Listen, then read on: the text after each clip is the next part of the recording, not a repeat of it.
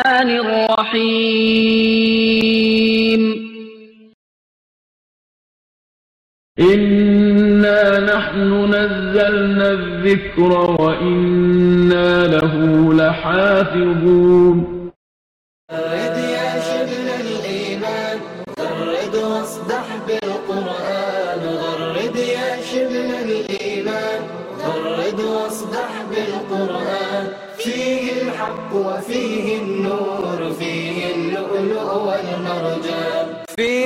الحق وفيه النور فيه اللؤلؤ والمرجان غرد يا شبه الإيمان غرد واصدح بالقرآن أتل السطر وراء السطر فالقرآن ربيع العمر أتل السطر وراء الصخر فالقرآن ربيع العمل والقرآن شفاء الصدر فيه الرحمة والغفران من يهده الله فلا مضل له ومن يضلله فلا هادي له وأشهد أن لا إله إلا الله وحده لا شريك له وأشهد أن محمدا عبده ورسوله sala allahu calayhi waaalihi wasaxbi wasalim allahuma anfacna bima callamtana wacallimna cilma yanfacuna wasidna cilma walxamdu lilaahi calaa kulli xaal ama bacd waxaynu eh, ku dhex jirnay axkaamtii ilaahay ummadda islaamka iyo ummadaha kale ee adduunyada ku noolba uu u dejinayay. Suuraddu waxay soo degtay markuu rasuulku sala allahu calayhi wasalam tegay madiina dowladdii islaamka ahaydna cagaha loo taagay ee ay heshay ardiyad iyo dhul ay saldhigato marka nidaamkii ay ku socon lahayd ee lagu kala hagi lahaa mid daakhiliya iyo mid khaarijiyaba ayaa ilaahay uu halkan u dejinayaa waa suuradda ugu axkaam badan xagga marka la eego suuradaha qur'aanka sida ay ugu dheer tahayba suuradaha waxa aynu caawa qaadanaynaa insha allahu inagoo ka bilaabaynaa aayadda boqol iyo siddeetan axkaamta dardaaranka iyo sida uu islaamku u dhigay iyo axkaamta soomka iyadoo markaa jihaadkii iyo xajkii iyo nidaamkii qoyska iyo saa ay axkaamtu isu dabahaynayso. Marleybana dariska lama badin karo aayaadka axkaamta marka la marayo waayo wuxuu u baahan yahay si uun itaal kasta ha lahaatee in wax looga sheego. Oo in faahfaahino wuxuun laga yar sheego. Maqsuudkii baa lumaya dee haddii laqbada un laysa saaro la dhaafo. Qaala allahu tacaala ilaahay baa wuxuu idhi kutiba calaykum waxa laydinku waajibiyey dadiow idaa xadara axadakum midkiin marka ay ku soo xaadirto almowtu geeridu kolkuu ku soo xaadiro sakaraadku kolka uu ku yimaado midkiin waxaa ilaahay u jideeyey in taraka weliba hadduu qofkaasi ka tegay khayran xoolo hadduu ka tegay alwasiya dardaaran baa la idinku waajibiyey. Lilwaalidayni labadii idin dhalay a u dardaarantaan waalaqrabiina iyo dadkii xigtada ahaa bilmacruuf si wanaagsan ugu dardaarantaan xaqan cala almuttaqiin xaqa waa sugmay arrinkaasi cala almuttaqiina dadka ilaahay ka cabsanaya dushooda. Faman badalahu qofka dooriya bacda maa samicahu intii uu maqlay dardaaranka ah qofkiioo dardaarmayuu ka dhagaysto markaasuu dooriyey. Fa innamaa ismuh dembigiisu waxa uu saaran yahay. Cala aladiina kuwii yubadiluunahu doorinayay ee wax ka beddelayay ee qofkii dardaarmay ma saarna. Inna allaaha ilaahay samiicun wuu maqlayaa ka dardaarmaya iyo ka beddelaya iyo mid walba. Caliimun arrimahana wuu ogsoon yahay. Faman khaafa qofka warwara ee ka cabsada min muusin ku dardaarmaya janafan leexasho inuu sidii sawaabka ahayd ka leexdo oo uu xadgudbo ayuu uga baqday aw ifman ama dembi inuu dembaabo dardaarankiisanuu ku xadgudbo. Fa aslaxa baynahum. Dhexdooduu wanaajiyey dadkii loo dardaarmayayoo dardaarankii baanu qaarkii sheegin. Falaa isma calayhi. Kaa qofkaa dembi ma haysto. Ina allaha hafuurun raxiim. Ilaahay baa dembiga dhaafoo naxariista. Berigii hore intaan la soo dejinin aayaadka dhaxalka oo sidaynu ugu tegi doonno aayadda koob iyo toban iyo aayadda labiyo toban iyo aayadda u dambaysa suuratu nisaa oo intuba suuratu nisaa bay ku jiraan insha allahu.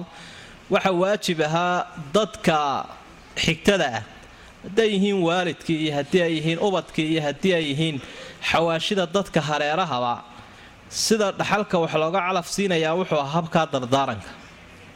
Dardaarankaasaa la siinayay in wax loo dardaarmo ayaa arrinku ahaa. Waana macnaha aayaddan ay ka warramayso. Ilaahay waxa uu idinku waajibiyey. Haddii qofku uu xoolo ka tegayo qofkaasi markuu sii dhimanayo labadii waalid iyo xigtada inuu si wanaagsan ugu dardaarmo. Arrintaasoo waajib ku ah mutaqiinta ka dhegaysanayaana waa inuu siduu ahaa u soo gudbiyo. Haddii laakiin kii dardaarmaya uu leexdo janafku waa leexashu oo xadgudub uu ku dhacayo. Oo kii dhagaystaha ahaana uu hagaajiyo arrinkii oo uu sallaxo si aanay dadkii isugu oodmin dhib ma leh. Dembi ma laha taas. Macnaha ayaddu ay ka warramaysaa waa kaa. Kolkii haddaba ay soo degeen aayaadka aynu magacownay suuratu nisaa ku jira si faahfaahsan dhaxalka uga warramaya. Ayaa nebigu wuxuu idhi calayhi salaatu wasalaam isagoo ummadda la hadlaya ina allaha qad acdaa kulla dii xaqin xaqahu falaa wasiyata liwaarith wadadiio waxaan idiin sheegayaa qof walba ilaahay wuxuu siiyey xaqiisii uu dhaxalka ku lahaaye. Qof dhaxallihi dardaaran ma leh. Imaa inuu dhaxal yeesho waa imaa inuu dardaaran yeesho. Kol hadduu dhaxalka wax ku leeyahay dardaarankii meesha wuu ka baxayaa haddii aanu dardaarankaa waxbadhaxalka waxba ku lahayn waxbaa loo dardaarmi karaa oo waxbaa laga siin karaa. Sidaa darteed aayaddan culimmadu waxa ay ku daraan aayadihii labaatanka ahaa ee mansuukha ahaa. Oo waxaa nasakhday bay leeyihiin aayadaha aynu suuratu nisaa ee ka warramaya ee dhaxalka iyo axkaamtiisa. Si kolka loo eego laakiin dadka dhaxalkale xaggoodunbay ka nasakhdeen laakiin dadkii aan dhaxalka lahayn ee dee qaraabada ahaa kolka loo eego dee waa taagan yahay dardaarankii. Oo in dadkii qaraabada ahayn dhaxalka wax ku lahayn loo dardaarmo dhinacaa mansuukh ka noqon mayso. Oo dee waa arrin jirta ee dhinacay mansuukha ka noqonaysa waa dhinaca xadiidkuu caddeeyayoo waxa weeye qofkii dhaxalluun baan dardaaran lahayn. Dardaaran oo maxaa tahay? Arrimo dhowraa kala jira. Hibo iyo hadiya iyo sadaqo iyo wasiya iyo waqaf waxyaabahaasoo dhammi waa tabarucaad uu qofku bixiyo. Habka loo bixiyo iyo wakhtiga la bixiyaana kala duwan.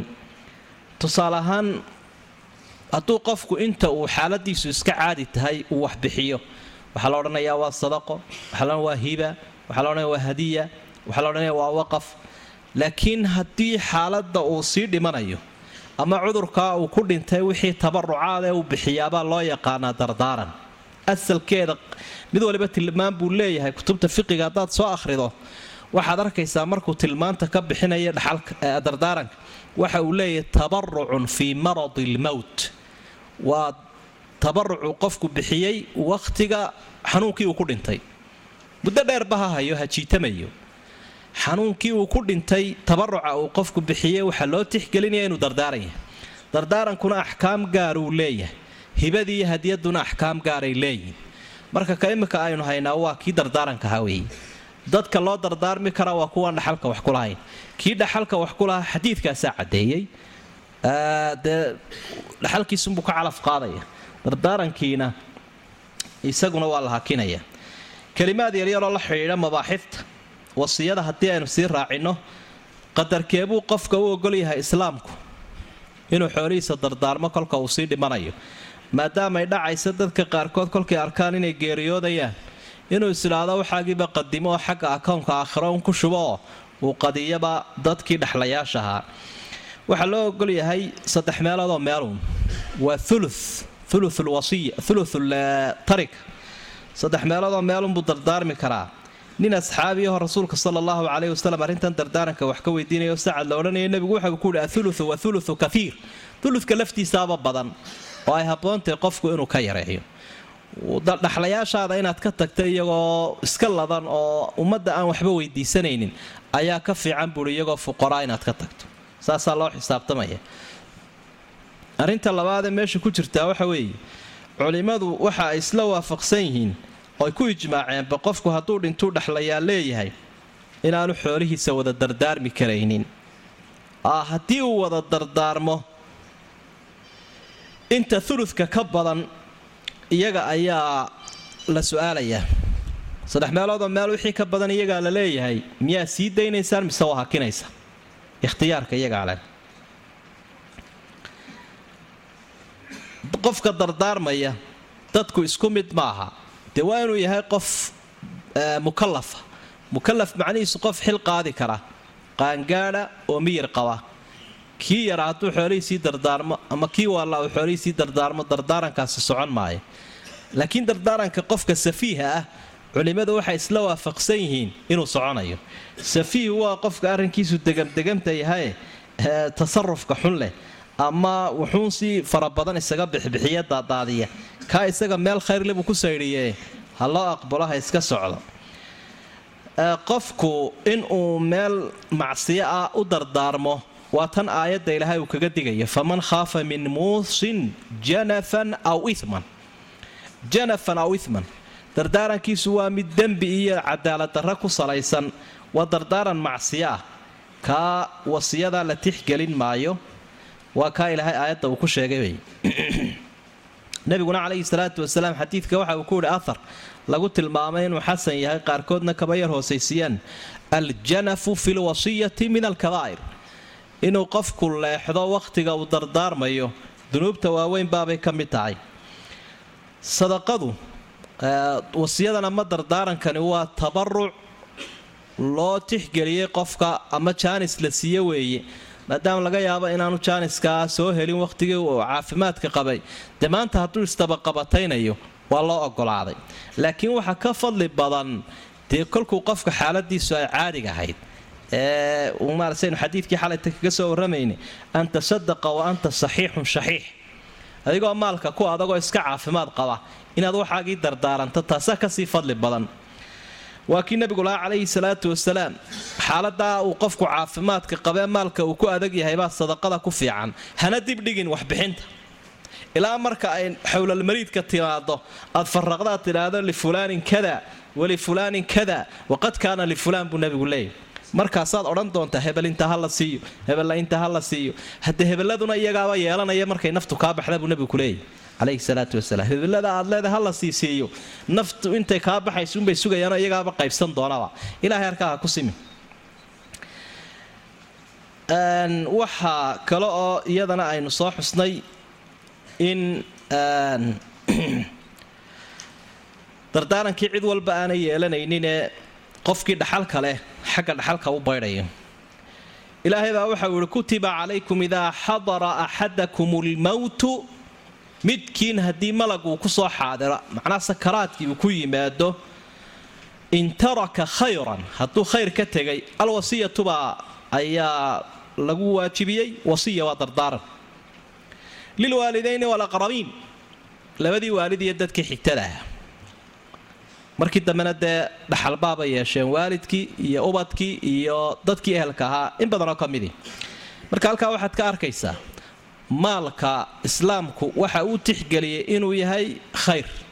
Marka sida fiican loo isticmaalo magac bixintiisaad arkaysa. Faqrigana wuxuu u tixgeliyey musiibo qofka lagu imtixaanay inuu yahay. Sidaa darteed ayaa ka maalka iyo khayrka la siiyana imtixaanan yahay ka faqriga iyo musiibadaasi ay ku dhacdayna uu imtixaanan yahay taa waxa aynu uga jeednaa inaan la odhanin sidii kaniisadu ay odhan jireen iyo raggeedu. Faqriguna waa nicmo ilaahay maalkuna waa fitno iyo musiibo. Oo arrinkay dabaragu jireen. Bilmacruuf buu qur'aanku wax walba raaciyaa. Inta badan macruufku waa shayga miyirqabkuu la socdo ee meesha samaha lagu bixinayo ee aan xadgudub iyo gabadfaltoona lahayn. Qofkii dardaarmaya haddii sidaa loola hadlay dhagaystayaashii markhaatiga ka ahaa ayaa ilaahay uu la hadlo waxau ihi faman badalahu bacda maa samicahu fa inamaa ismuhu cala aladiina yubadiluuna qofka bedela intii uu dardaarankaa maqlay dembigiisu wuxuu saaran yahay bedelitaankaa kii bedelay ee ma saarna maxay kii isagu miskiinkaha ee dardaarmay dee kolkii uu hebel buu ka soo dhagaystay oo mar waar anigaa dhagaystay dardaarankii waxaay waxaay waxaasuu ihi wixiiba uu bedelayba ciddii uu doonayo wax la jeclaabuu xaggoodii u leexiyey kaasaa dembiile ah ina allaha samiicun caliim ilaahay wuu ogyahay wuu maqlayaa kaa haddaba haddii qofkani uu dardaarankii kharribay isagu oo cadaalad darro iyo dembi uu ka dhigay oo qofkan dhagaystahayna uu hagaajiyey. Masaalixdaa la eegaya. Waxaa la eegayaa meesha khayrka leh. Ilaahay kaa wuu cudurdaaray waana la ogolaaday inuu wax toosin karo. Faman khaafa min muusin janafan aw iman qofka ka cabsada ku dardaarmaya inuu janaf sameeyuu leexdo ama ku dembaabo dardaarankiisa ama cadaalad darro sameeyo fa aslaxa baynahum dhaxlayaasha dhexdoodiibuu wanaajiyey. Fa aslaxa baynahum dadkii loo dardaarmayay buu wanaajiyey. Fa aslaxa baynahum kii dhimanaya ka soo hadhaya dhexdoodu wanaajiyey. Falaa ima caleyh dee wuxuu arkayaa inuu islaantiisii dhaxalka seejinayo. Isagoon furin inuu imika leeyahy waan furay. Midaan daynba kulahayn inuu leeyahay wuu igu leeyahay. Waxyaabo fara badan ayaa meeshii ama qof aanay shuraako ahayn buu leeyahy waan isku jirnaa oo shuraakaanu nahay. Wuxuunbuu dee si unbaa wax leexdeen sidii arrinku uu ahaaye waaqic ahaayuu ku ogaa ayuu ku soo celiyey. Dembi ma laha baa ilaah yaa ayuha aladiina aamanuu dadkii ilaahay rumeeya mu'miniinta ahaadow kutiba calaykum siyaam soom baa laydinku waajibiyey baa ilahay wuli kamaa kutiba sidii loogu waajibiye cala aladiina min qablikum ummadihii idinka horreeyey lacallakum tattaquun waxaa laydinka rajaynayaa inaa ilaahay ka cabsataan marka soontaan likay tattaquun. Ayaaman maalmaa laydinku waajibiyey soomkood maalmahaasoo macduudaatin tirsanba oon badnaynba oo sagaal iyo labaatan ama soddona. Faman kaana minkum qofka idinka mid ah ee ahaaday mariidan mid buka aw calaa safar ama socdaalah ee taraa ku jira fa ciddatun macnaheeda waxa weeye fa afdara ee iska afura intuu ruqsadda qaato fa ciddatun fayajibu calayhi cidda. Tiraa ku waajibaysa min ayaamin ukhar maalmo kale. Maalmo kaleun inuu soo qalleeyo intaa rabadaan dhaaftay in la eegabaa ku waajiba. Wa cala aladiina kuwii dushooda waxaa ahaaday yudiiquunahu soomka karayay fidyatun waxa lagu leeyahay fidyo inuu bixiyo raashin dacaamu miskiin. Miskiin quudintii baa lagu leeyahy inuu miskiin quudiyo maalin walba. Faman tatawaca khayran qofka khayr korodhsada fa huwa khayrun lahu way u wanaagsantaha miskiinkaba wuu uga badiyayoo intii ku waajibkahayd buu ka badiyey way u fiican tahay wa an tasuumuu inaad soomtaan oo raashinka iska daysaanoo soomka la timaadaan khayrun lakum way idiin wanaagsantaha in kuntum taclamuun haddaa garanaysaan buu ilaha yidhi subxaana waa soomkii arkaantii buu ka mid yahay islaamka. Arkaan islaamkii buu ka mid yahay siyaamku. Shanta ahaa. Waxaa ilaahay uu yeedhay ummaddii islaamka ahayd. Ummaddii islaamka ahayd buu baaqan u jeediyey inuu soom ku waajibiye ilaahay subxaana.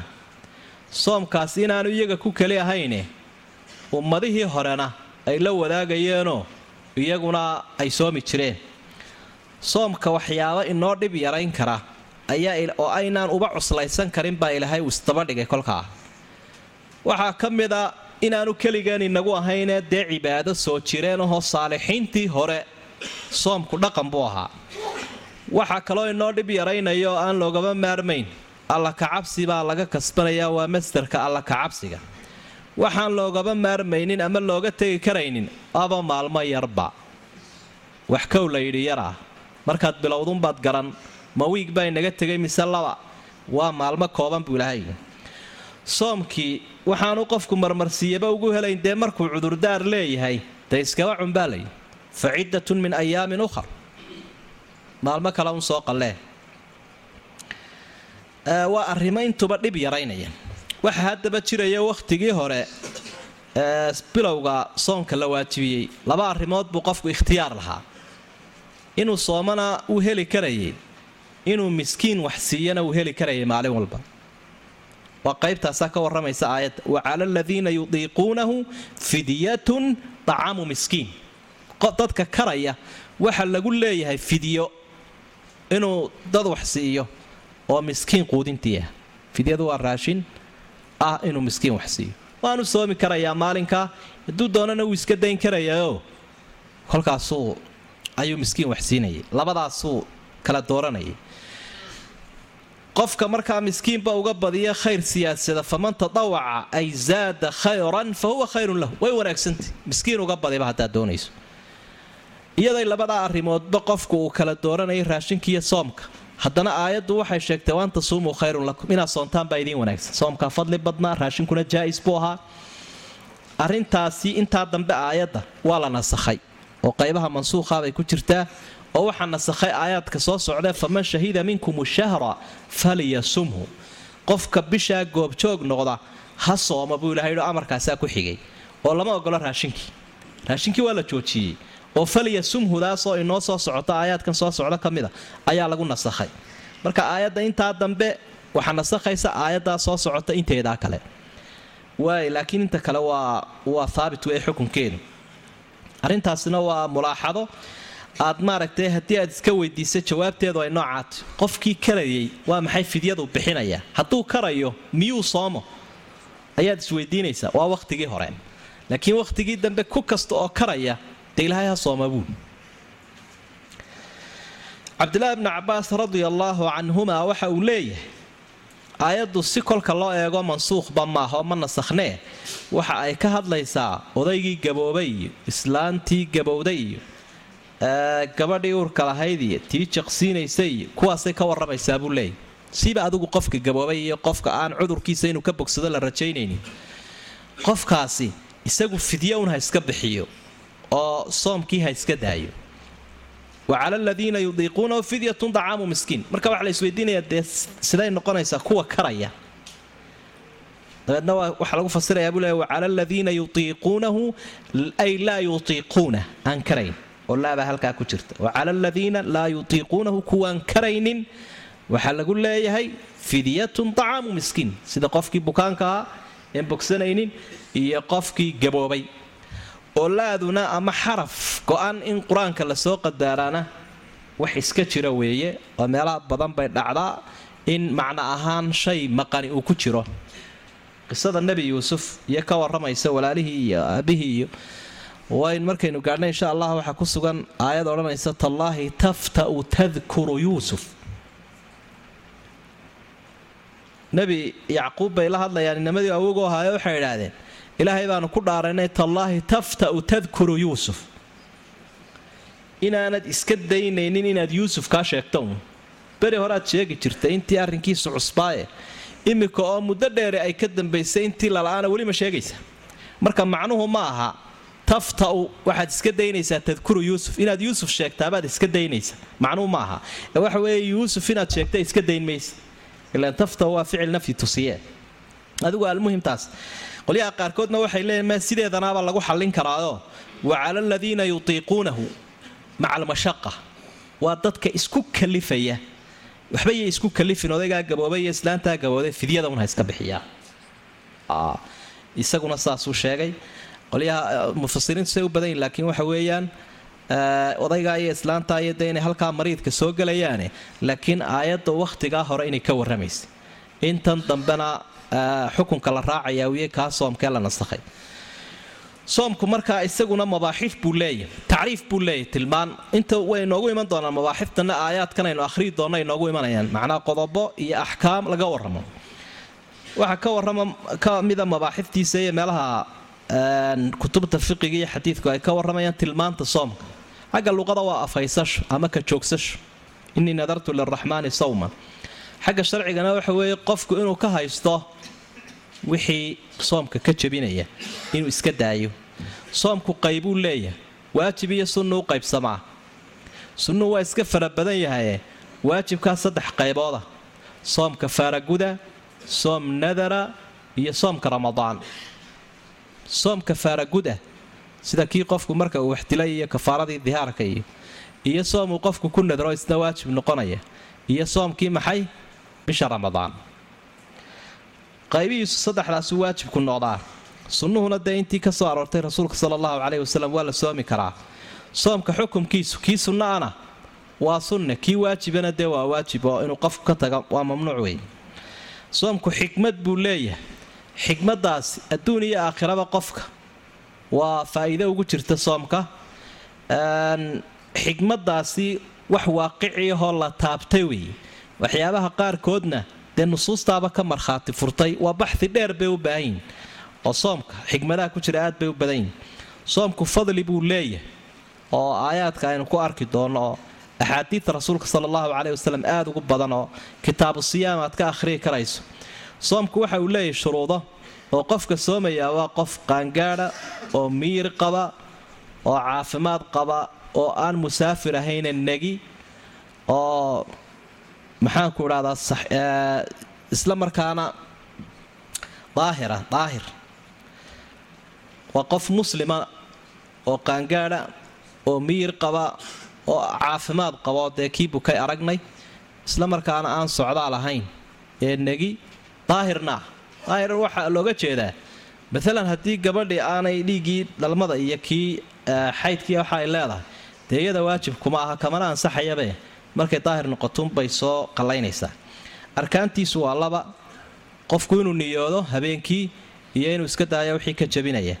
Aadaab badan buu leeyahay axaadiidta rasuulka wacad sala allahu caleyhi wasalam waxyaaba mubdilaad ahoo buriyana wuu leeyahay.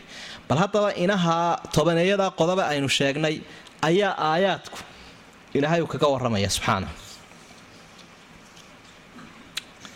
Faman tadawaca khayran fa huwa khayrun lahu qofka khayr siyaadsadee miskiinka wax ka badan miskiin in la siiyo bixiya khayr bay u tahy halkaa waxaa laga faaidaystay bay leenu culimmadu tabarucaadka waajibka ah ama sakadii ama kafaarooyinkii ama wixii tabarucaad ahee waajiba dabcan waa cibaado. Cibaado la ogol yahay waa in la siyaadiyo. Oo shayga cibaadaadka lamana nuqsaamiyo lamana siyaadiyo. Laakiin haddii ay tahay maal cibaadadu iyo tabaruc hadday la xidhiidho. Isagoon qofku u aaminsanayn waajibnimo ee sunnanimo u aaminsan intaa uu siyaadinayo wuu siyaadin karaa. Oo sakadii haddii sabeen lagu lahaa oo aad ka dhigta mid dhalaysa ama aad neefkii dhexdhexaadkaa lagu lahaa ka u weyn ka dhigto ama haddii galaan lagu lahaa galaan iyo bar ka dhigto waxa weeye aayadaasunbaa loo cuskanaya fa huwa khayrun lahu. Shahru ramadaana buu ilaha yidhi bisha ramadaan alladii waa bishii unsila fiihi la soo dejiyey alqur'aan qur'aankaa ilaahay uu soo dejiyey hudan linnaas qur'aanku dadku hanuun u yahay wa bayinaat waa nusuus cadcadoo min alhudaa hanuun ah iyo walfurqaan shay xaq iyo baadilka kala saaraya faman shahida qofka goobjoog noqda ee minkum idinka idinka mida ashahru bishaa qofka goobjooga isagoon dhimana nool caafimaad qaba falyasumhu ha sooma buu ilaha yidhi waa amar. Waa la nasakhay tii raashin bixinta. Waman kaana mariidan qofkii buka aw calaa safarin ama socdaal ku jirana fa ciddatun tiraa lagu leeyahay. Min ayaamin ukhra maalmo kale ah. Maalmo kale uanu soo qalleeyo yuriidu allaahu bikum. Dadyow ilaahay wuxuu idinla doonayaa alyusra fudayd. Markuu cibaadaadkan iyo shuruucdan idiin jidaynayo walaa yuriidu bikum idinlama doonayo ilaahay. Al cusra inuu idinku adkeeyo ma doonayo. Walitukmilu lcidda inaad soontaan baa la doonayaa. Walitukmiluu aad dhammaystirtaan alcidda tirada. Soddon iyo sagaal iyo labaatankii ay tahayba. Walitukabiru allah ilaahay inaa weynaysaan. Marka soddonkii dhammaadaan takbiirtii ciidda waa inaa akhridaan. Calaa maa hadaakum sidii uu idiin hanuuniyey. Idinkoo u dhammaystiraya sidii uu idiin hanuuniyey idinkoo takbiirta u akhriyaya walacallakum tashkuruun. Inaa ilaahay ugu mahadnaqdaan cibaadadaa uu idin waafajiyayo nicmada. Ah taasina waa ta la doonaya wey wa idaa sa'alaka markay ku weydiiyaan cibaadii addoommahaygu nebi maxamedow cannii aniga. Markay addoommahaygu ikaa weydiiyaan fa innii qariib.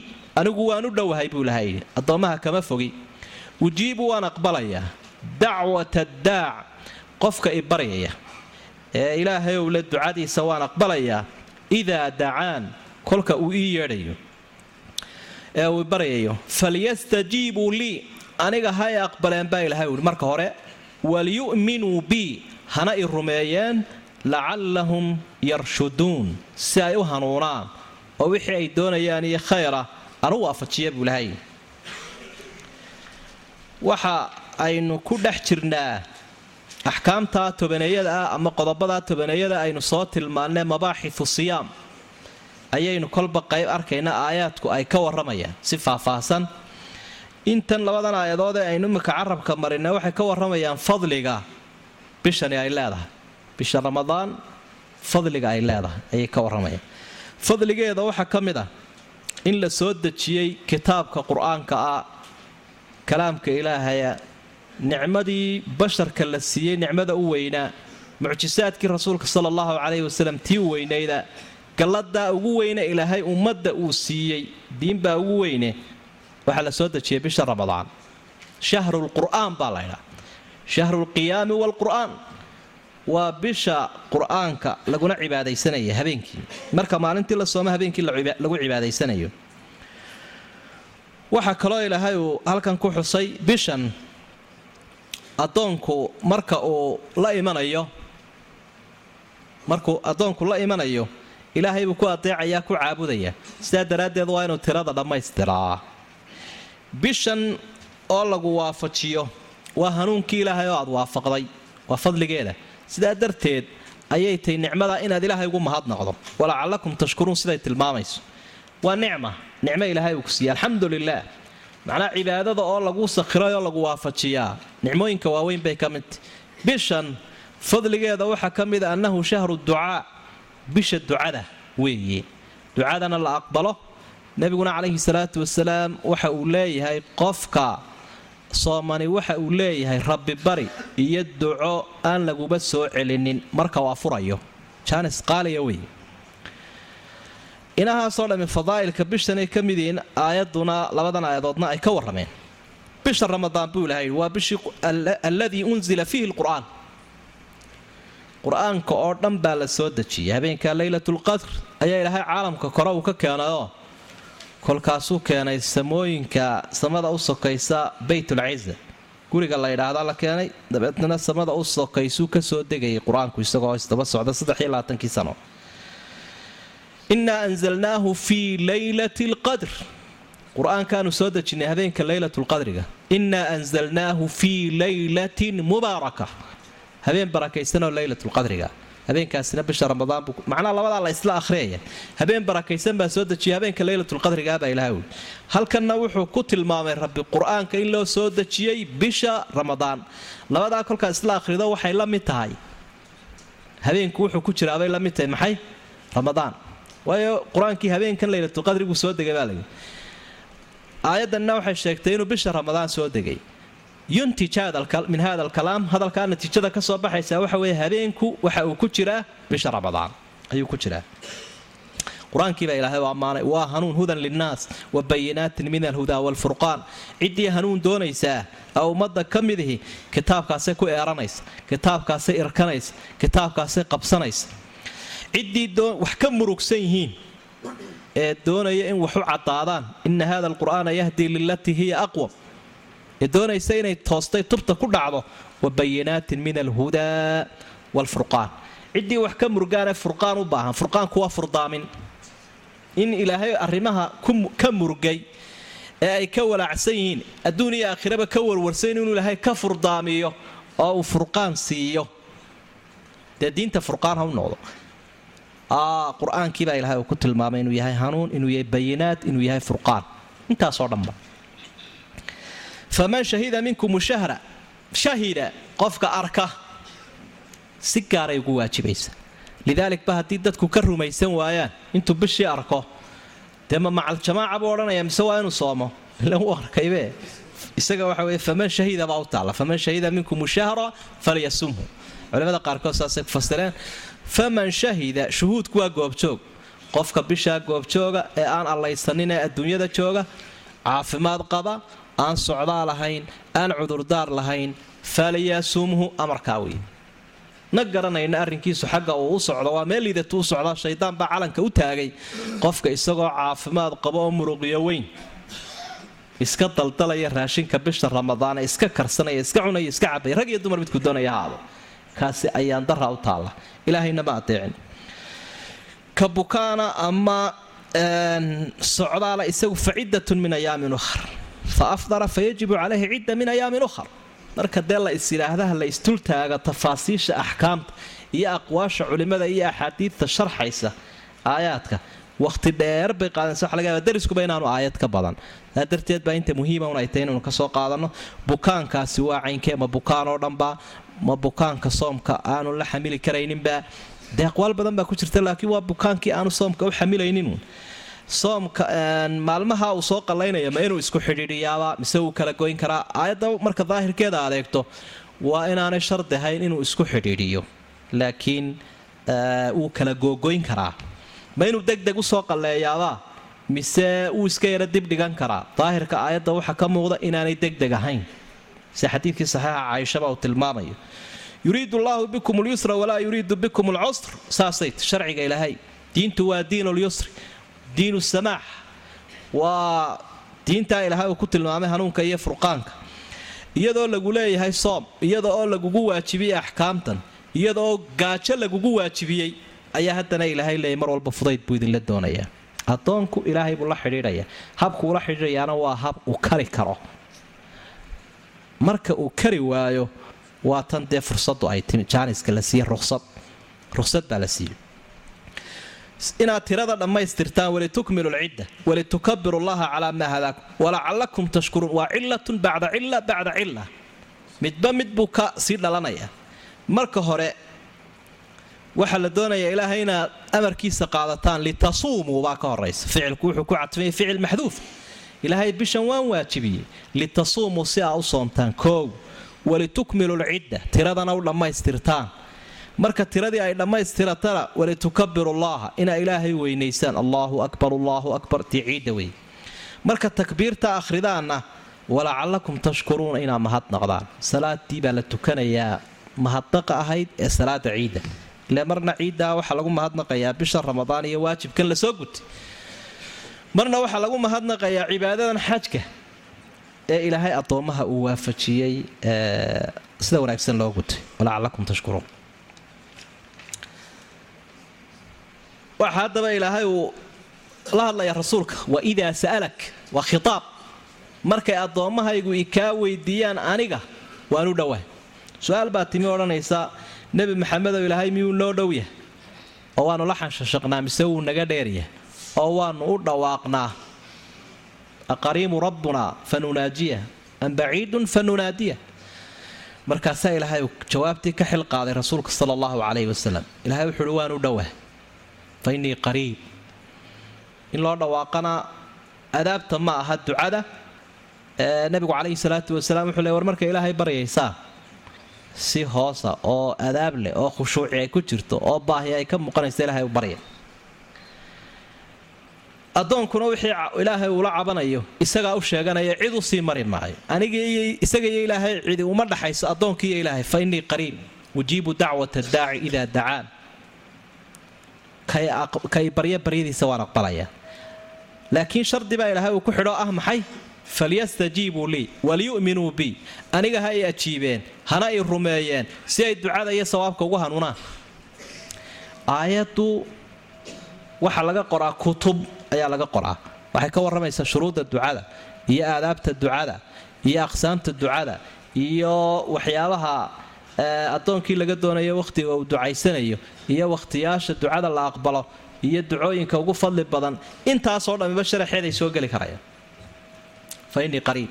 Saas wey marka inuu qofkii oo ducaysanaya qaylqayliya maahae waa inuu khushuuc iyo aadaab ay ka muuqato. Waxaa aayadda ka muuqanaya mar haddii addoonku uu sidai aadaabtahayd ilaahay u baryayo. Addoonnimadii ogolyu ilaahay gacmaha hoos haysto aanu macsiyo ilaahay baryaynin inuu ilaahay u ballanqaaday inuu ka aqbalayo. Aadaabta ducada ayay ka mid tahay addoonku inuu fulinayo wuxuu ilaahay faray. Addoonku inuu leeyahay iimaan. Addoonku inuu ka hadho wixii xaaraana ile marka lagu leeyahay markuu ilahay leeyahay falyastajiibuu li aniga hay ajiibeen hay aqbaleen oo hay adeeceen kolkuu ilaahay leeyahay. Macnaha wuxuu amrayna waa in lagu adeecaa wuxuu idhi ka hadhana waa in lagu adeecaa oo laga hadhaa. Markaa shardigaasaa ku xidhan aadaabta ducada ee waajibka waxaa ka mida addoonku inuu ilaahay ka tala qaadanayo. Saa darteed buu nebigu yihi calayhi salaatu wasalaam qofkii xaaraanta cunayay ee xaaraantu ay ku xeernayd fa annaa liyustajaabu lidalik. Dee qofkaa ducadiisa sidee loo aqbalayaa ayuu markaa nebigu leeyahy ila falyastajiibuu lii baa laga waaya marka wakhtiyada ducadu fadliga badan tahay ee laga faa'iidaysanayay ku jirtaa bishan la yidhaahdo ramadaan qofku marka uu sooman yahay iyo markuu afuraya labadaba uxilla lakum buu ilahay waxaa la idiin xalaaleeyey leylata asiyaam habeenka bisha ramadaan alrafathu inaad wax ka daydaan ilaa nisaa'ikum dumarkiinna. Dumarkiinna inaad xaggooda u kacdaan oo muraadkiinna ka raadsataan taa waa la idiin xalaaleeyey habeenka bisha ramadaan. Kol habeen tahay hunna dumarkii libaasun lakum dhar bay idin yihiin. Wa antum libaasun lahunna. Idinkuna dumarka dhar baa u tihiin. Qof iyo dharkiina ma kala maarmaan ila wuu qaawanaan buu u bixiye calima allaahu ilaahay waxa uu ogaaday anna oo uu og yahay annakum idinku kuntum inaa ahaateen takhtaanuuna anfusakum. Nafihiinna inaad khiyaamaynaysaan oo wax laydiin diiday ku dhacaysaan. Fa taaba calaykum wuu idinka towbad aqbalay wa cafaa cankum waaba idinka saamaxayba wuxuu idinka simbiraxday idinka siibtay fal aana imika baashiruuhun dumarkii la dhaqma oo la mucaamalooda oo wax ka daya wabtaquu waxaa ka raadsataan maa kataba allaahu lakum ilaahay wuxuu idinka qoray ee ubad ahaa wa kuluu cuna habeenkii washrabuu cabba xataa yatabayana lakum jeeroo uu idiin caddaado alkhaydu alabyadu miiqa caddi min alkhayd alaswad miiqa madow jeeruu ka caddaado min alfajr ee waaga ah. Labadu ilaa ay kala baxayaan madowgiiyo caddaanku oo waagu muuqanayo. Umma kol haddii la gaadho waagaa atimu siyaama soomka dhammaystira oo soomanaada ila alleyl ilaa qorax ka dhaca la gaadhayo. Walaa tubaashiruuhun dumarkii hala ciyaarinoo hala dhaqmina. Wa antum caakifuuna idinkoo ku xasiloon oo ku negi filmasaajid masaajidda idinkoo ku negi oo cibaadada ictikaafka ku jira tilka taa la idiin soo tilmaamay xuduudullaah ilaahay xeerkii uu dhigay weeye iyo xaddii uu xariiqiya axkaamtuu jideeyey iyo halkii uhi aan loo dhowaanin seerihiisii falaa taqrabuuha ha u dhowaanina kadaalika sidaa ilaahay uu idinku soo cadcadeeyey yubayinu allaahu aayaati aayadihiisa mar walba ilaahay isagaa u kala saafaya u dhigdhigaya. Linnaasi dadka isagaa u kala saafaya u caddaynaya. Lacallahum yattaquun si ay ilaahay uga cabsadaan markay diintiisa iyo sharcigiisa iyo axkaamtiisa fahmaan. Cilmigaa si uu camal ugu xigo. Weli waxaynu ku dhex jirnaa axkaamtii iyo nidaamkii ilaahay u dejinayay dadka saa'imiinta ah ee ilaahay u sooman. Aayaddu waxa ay ka warramaysaa mubaaxaatu siyaam wa mubdilaatu siyaam. Soomka waxyaabaha jabiya iyo qofka saa'imka ah waxyaabaha u bannaan. Ayaa aayaddu ay ka warramaysa waxyaabaha burinaya waxaa ka mid ah soomka galmadii dumarka. Qofku inuu xaaskiisa u galmoodo maalinkii bisha ramadaan. Arrin aad u weyn weeye weliba kafaaragud baa ka waajibay. Laba bilood inuu soomo wey maalinkiina soo qalleeyo. Waxyaabaha soomkii burinaya waxaa ka mid ah cuniddii iyo cabbiddii si camdiyaho ogaana qofku maalintii bisha ramadaan uu u cuno oo u cabbo oo dee waa kan ilaahay halkan ku xusay aad arkayso. Mubaaxaadkii waxyaabii u bannaanaa qofka waxaa ka mid ah habeenkii inuu xaaskiisii la dhaqmi karo inuu cuni karo inuu cabbi karo ilaa waagu caddaanayo. Waaya aayaddu wakhtiga ay soo degtay xukum horey rafcisay meesha ka saartay berigii hore waxa uu ahaa soomku uu ku soconayay yaa ayuha aladiina aamanuu kutiba calaykum asiyaamu kamaa kutiba cala aladiina min qablikum. Sidii ummadihii hore loogu waajibiyey oo ahayd afar iyo labaatanka saacadood hal mar oo makhribka ah ayuunbaa loo ogolaa qofka inuu wax cuno. Uu soo soomanaanayaa dabeedna markaa afurka ka calaf qaado. Wixii uu cunaya iyo wixii uu la mucaamaloonaya intaba waa waqhti yaroo koobanba halkaa hadday dhaafto jaaniskaasi hadduu dhaafo ku noqod ma kamaa kutiba cala aladiina min qablikum saasuu ahaa. Arrinkii oo sidaa ku socda ayaa ragga qaarkoodoo ragga waaweyn uu ku jiray sida cumar bnukhadaab radia allahu canhu ayaa wax ka siibteenoo ama habeenkii intii dambe wax ama xaaskiiba la dhaqmayba. Kolkaasaa ilaahay arrinkaa hore meesha ka saarayoo wuu fududeeyey. Sidaa aad arkayso maxay ilaahay baa waxa uu leeyahy fal'aana baashiruhun. Fal'aana. Waa eray muujinaya xukum hore la nasakho meesha laga saaray. Waa naasikhii oo naskhigii daliilu ah oo muujinaya. Imika mar haddii layidhi wakhti ka horreeyey oo arrintani aanay fasaxayn baa jira. Calima allaahu anakum kuntum takhtaanuuna anfusakum fataaba calaykum wacafa cankum. Wuxuu ilaahay ogaaday naftiinna inaad khiyaamaynaysaan oo uu idinka toobad aqbalo uu idinka cafiyey. Waa raggaa habeenkii ama dumarkii u yara dusay ama cunadii wax kaga sii noqdeen. Ayaa layile qofku hadduu sideedaba macsiyo ku dhaco naftiisuunbuu khiyaameeyey. Isagay ka go-anta isagunbaa isku duulay. Ilaahay baa khiyaamaysan iyo diin baa khiyaamaysan iyo rasuulkaa khiyaamaysan. Midna ilaahay muu odhanine qofkii macsiye gef sameeye ku dhacay wax. Naftiisa ayaa ilaahay uu tilmaamay inuu khiyaameeyey. Saa darteed baa arrinkaa la fududeeyey. Marka arintaas aayadaas intaasi ay ka waramaysaana waa taawey markaasaa ilaahay aayadan uu soo dejiye uxilla lakum leylata siyaami rafathu ilaa nisaa'ikum. Rafadku waa jimaaci waa galmadii galmada iyo waxyaabaha ku xeerane ka horreeya inaad dumarkiinii taa ula dhaqataan ilaahay waa laydin xalaalay. Ilaahay baa waxna xalaaleeya waxna xaaraantinimeeya. Ina ataxliila wataxriima xaqun lilaahi tacaala waxda ilaahay baa keligii iskale wuu sababeeyey ilaahay duulka dumar laydhaa iyo raggii isqabee xaasaskaysu ahaa inaanay kala maarmayn buu tilmaamay. Taasaa waxa laydinku fasaxay. Oo habeenkii ka jooga laydiin odhan waayey oo maalintii quran loogu soo koobay. Hunna libaasun lakum wa antum libaasun lahun. Iyana dhar baydinyiin idinkuna dhar baawti bal cibaaradaas sida ay u xeel dheertahay iyo macnaha weyn iyo balaaqada ay xambaarsan tahay ayaad halkaa ka dareemi karaysa dee waa la ogyahay oo qofku dharkiisa sidee buu ugu baahan yahay? Dee qof qaawaniyo qof si qurux badan u labisan uun farqiga udhexeeya eeg farqiga labadaa udhexeeya ayuunbaa dareemi karaysaa. Dharku wuxuu ka asturaa qofka. Qaawan wuxuu ka asturaa dhaxanta iyo kulaylka iyo foolxumada iyo rafaadka iyo ceebta intaba. Gabadhiina sidaasay ninkeeda u tahay ninkiina sidaasuu gabadhii u yahay hunna libaasun lakum wa antum libaasun lahun. Qofku dharkiisa inta uu ka maarmi karaaba way yar tahayba intaa ama jiifa ama meel yaroo gooniya uu ku jiro. Qofku lamaanihiisa intuu ka maarmi karaaba wayba yar tahayba saa darteed baa cumar ibnukhadaab xataa ciidamada uu dagaalka u diraya dhayt buu u samayn jiray. Ninkii islaantu inta ay kala maqnaanayaan mastaafuruunkumuu qori jirine dhayt buu u samayn jiray. Saddex bilood afar bilood askariga maqnaada waa inuu islaantiisa u soo noqdaa waa go'aan. Dagaalkii doonaya socdo hunna libaasun lakum wa antum libaasun lahunna. Waxaa laga fahmayaa in ay tahay ninkuna inuu dee dharkiisa doorto iyaduna ay dharkeeda doorato. Haddaad imika bacadlaha gasho dee beeca waynagii akhriyayne beeca la diiday maxaa ka mid ahaa? Almulaamasa bayculmulaamasa wa bayculmunaabada soomahay maradii lagulahaa iska taabaha iska eegin kaa waa la diiday iibkeeda ku nasiibsadii ayaa la diiday xagga beeca markaad dhar iibsanayso waa inaad iska eegto waa inaad ku qanacdo saasoo kale iyadiina waa arrin saaran isagiina waa arrin saaran. Axkaamta maaragta haddii la idhaahdo jawaahir badan baa ku jira maaragta iyo masaa'il waxyaaba lataa'ifoo laga qaadan karo. Calima allaahu anakum kuntum takhtaanuuna anfusakum fataaba calaykum wacafa cankum fal'aana baashiruhun. Imika la dhaqma imikaa laydiin ogolya habeenkii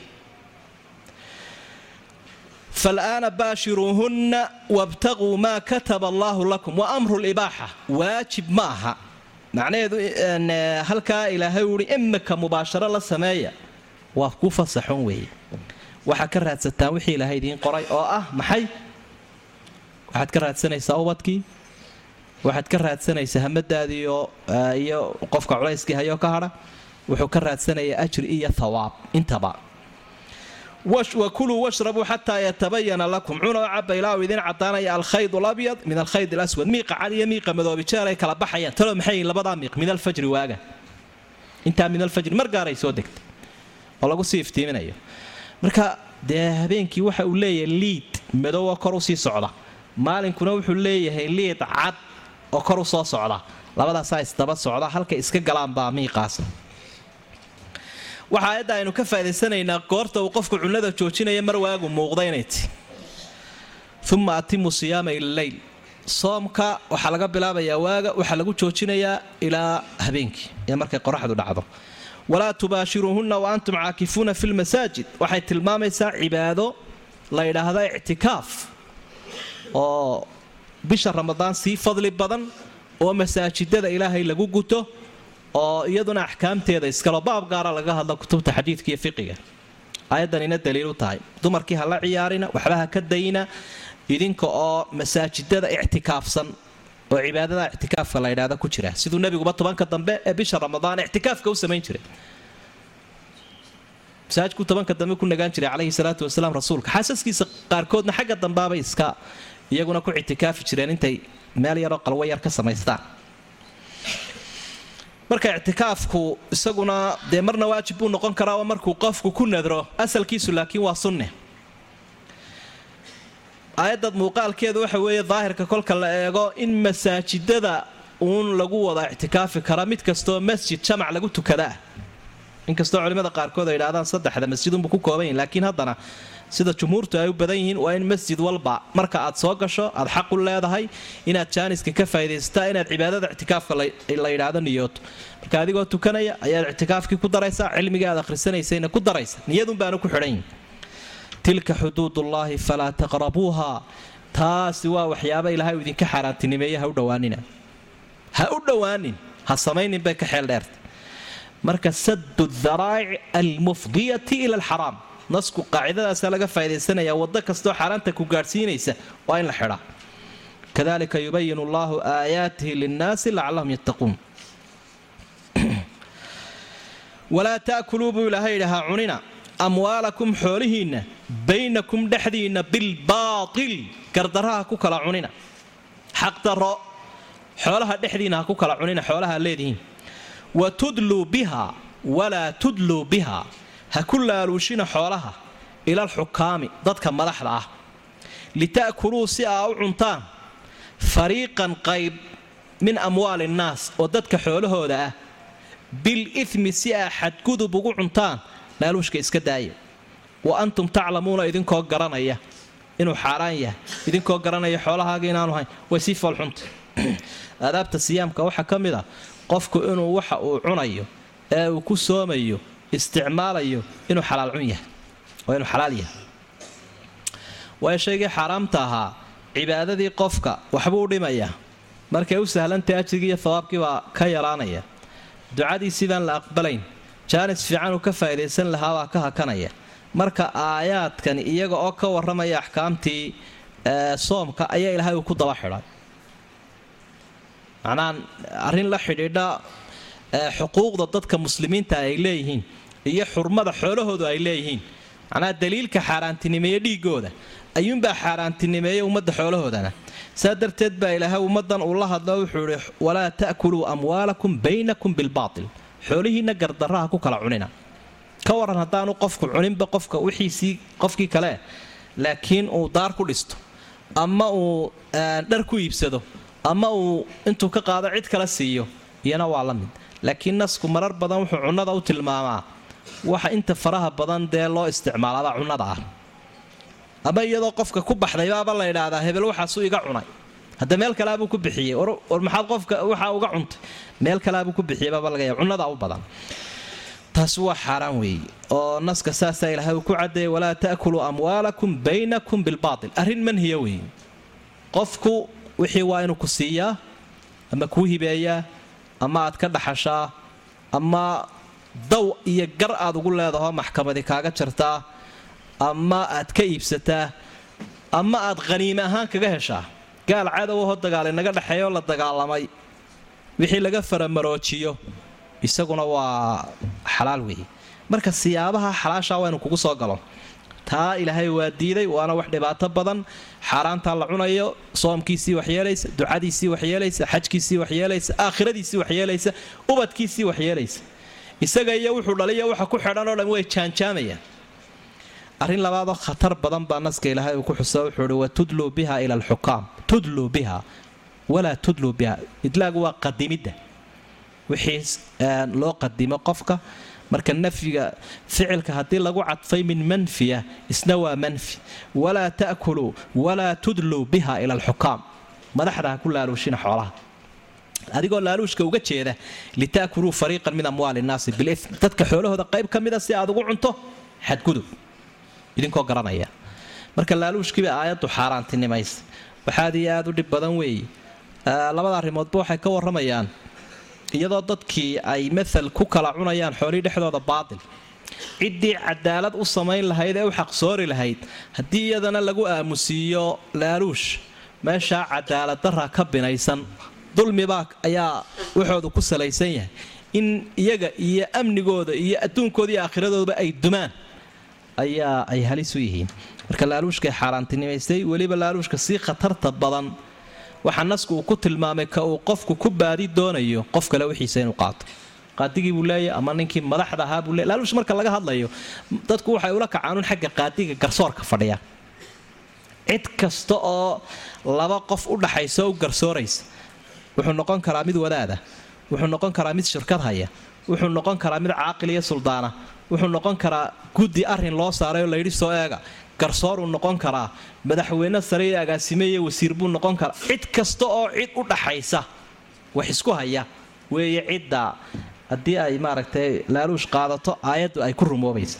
Ee garsoorka qura maaha garsoorka wuu sii khatar badan yahay.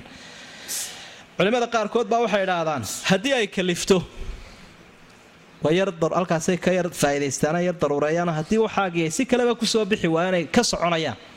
Adiguna aad ku qanacsan tahay inuu waxaagii yahay dee inaad wax iska bixisaad soo dhiciso. Aayaddu may manciin bay leeyihiin leanna waxaa lagu sababeeyey litaakuluu fariiqan min amwaali innaas dadka xoolahooda si aad qayb ka mida u cuntaan laaluusha u bixinina. Laakiin waxaagii haddii aad qaadanayso halkaa waxbaa laga yar fahmi karaabay leeyiin laakiin daruurayn mayno. Leanna waxaa iska macruufa haddii kan loo ogolaado kii kalena dabadu ku sii haya kii bixinaya wuu baranayaa kii qaadanayayna isaguna wuu sumoobaya nebi maxamedna calayhi salaatu wasalaam waa nacdalay lacana allaahu alraashi waalmurtashi waalraa'ish ilaahay ha nacdalo ka laaluushka bixinaya iyo ka qaadanaya iyo ka isu jiidayee isfahamsiinaya dilaalka ka ah. Bal dilaal laaluush aduu ka war. Dilaal laaluush maxaa ka liita intaaba nacdal buu nebigu dusha uga tuuray calayhi salaatu wasalaam. Arrintaa aad ha looga fiirsado. Laaluushka waxaa la yidhahda adiga oo dadkeennu waxay degdeg badan ba haya. Qofku isagoo xaqiisii loo xukumayo ayaa wakhtiga aanu sugayn. Dabeedna wuxuu leeyahay wallaahi waa kan iga aamusay waa kan iga warwareegaya. Wuxuu doonayaa baan u malaynaya in la jugeeyo.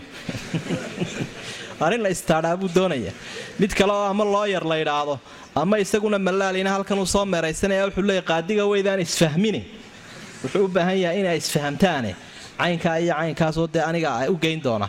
Isaguna qaybbuu sii goosanaya waa kaau nebigu nacdale calayhi salaatu wasalaam. Aad arrintaadu hadday kuugu dhammaan karto waasido hadday kuugu dhammaan karto inaad muddo dheer u sabirto ha bixinin laaluushka waxaa la ydhaha weliba dadka acyaanta ah iyo dadka la daliishanayo inay iyaguna bixiyaan. Maaha khatar badanta qofka qaatana dee waa araxjab weeye way ka daba imanaysaa yasaluunaka can ilahillati waxay ku weydiinayaan nebi maxamedow bilaha.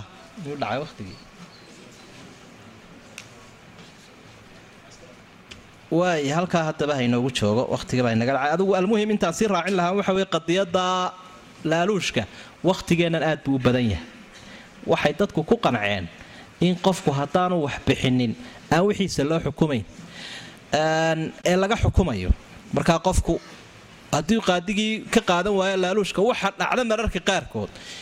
Ragga qaarkood in loogu dhiibay si uu bal u xishoodo bahalkaa u qaato sodohdii ilaa sodohdii in lala gaadho. Marka dee adduunla-aan iyo aakhira la'aan labaduba dhibkooday leeyihiin aad ha looga feejignaado dadkana ha laga waaniyo dadka gacanta ku haya garsoorkuna waxaas wuu ka daba imanaya adduun iyo aakhiraba black liisku ku qormaya qofkaas liiska madow buu ilahay agtiisa ku qormayaae aad ha isaga ilaaliyeen qofku hadduu wax ku filan waayo waanu iskaga baxaa shaqadaa wallahu subxana wa tacala aclam يا ماهرا بكتاب الله تقرأه أبشر بنور الله والحسنات اقرأ ورتل خاشعا متغنيا بأعذب الألحان والآيات يا ماهرا بكتاب الله تقرأه أبشر بنور الله والحسنات اقرأ ورتل خاشعا متغنيا بأعذب الألحان والآيات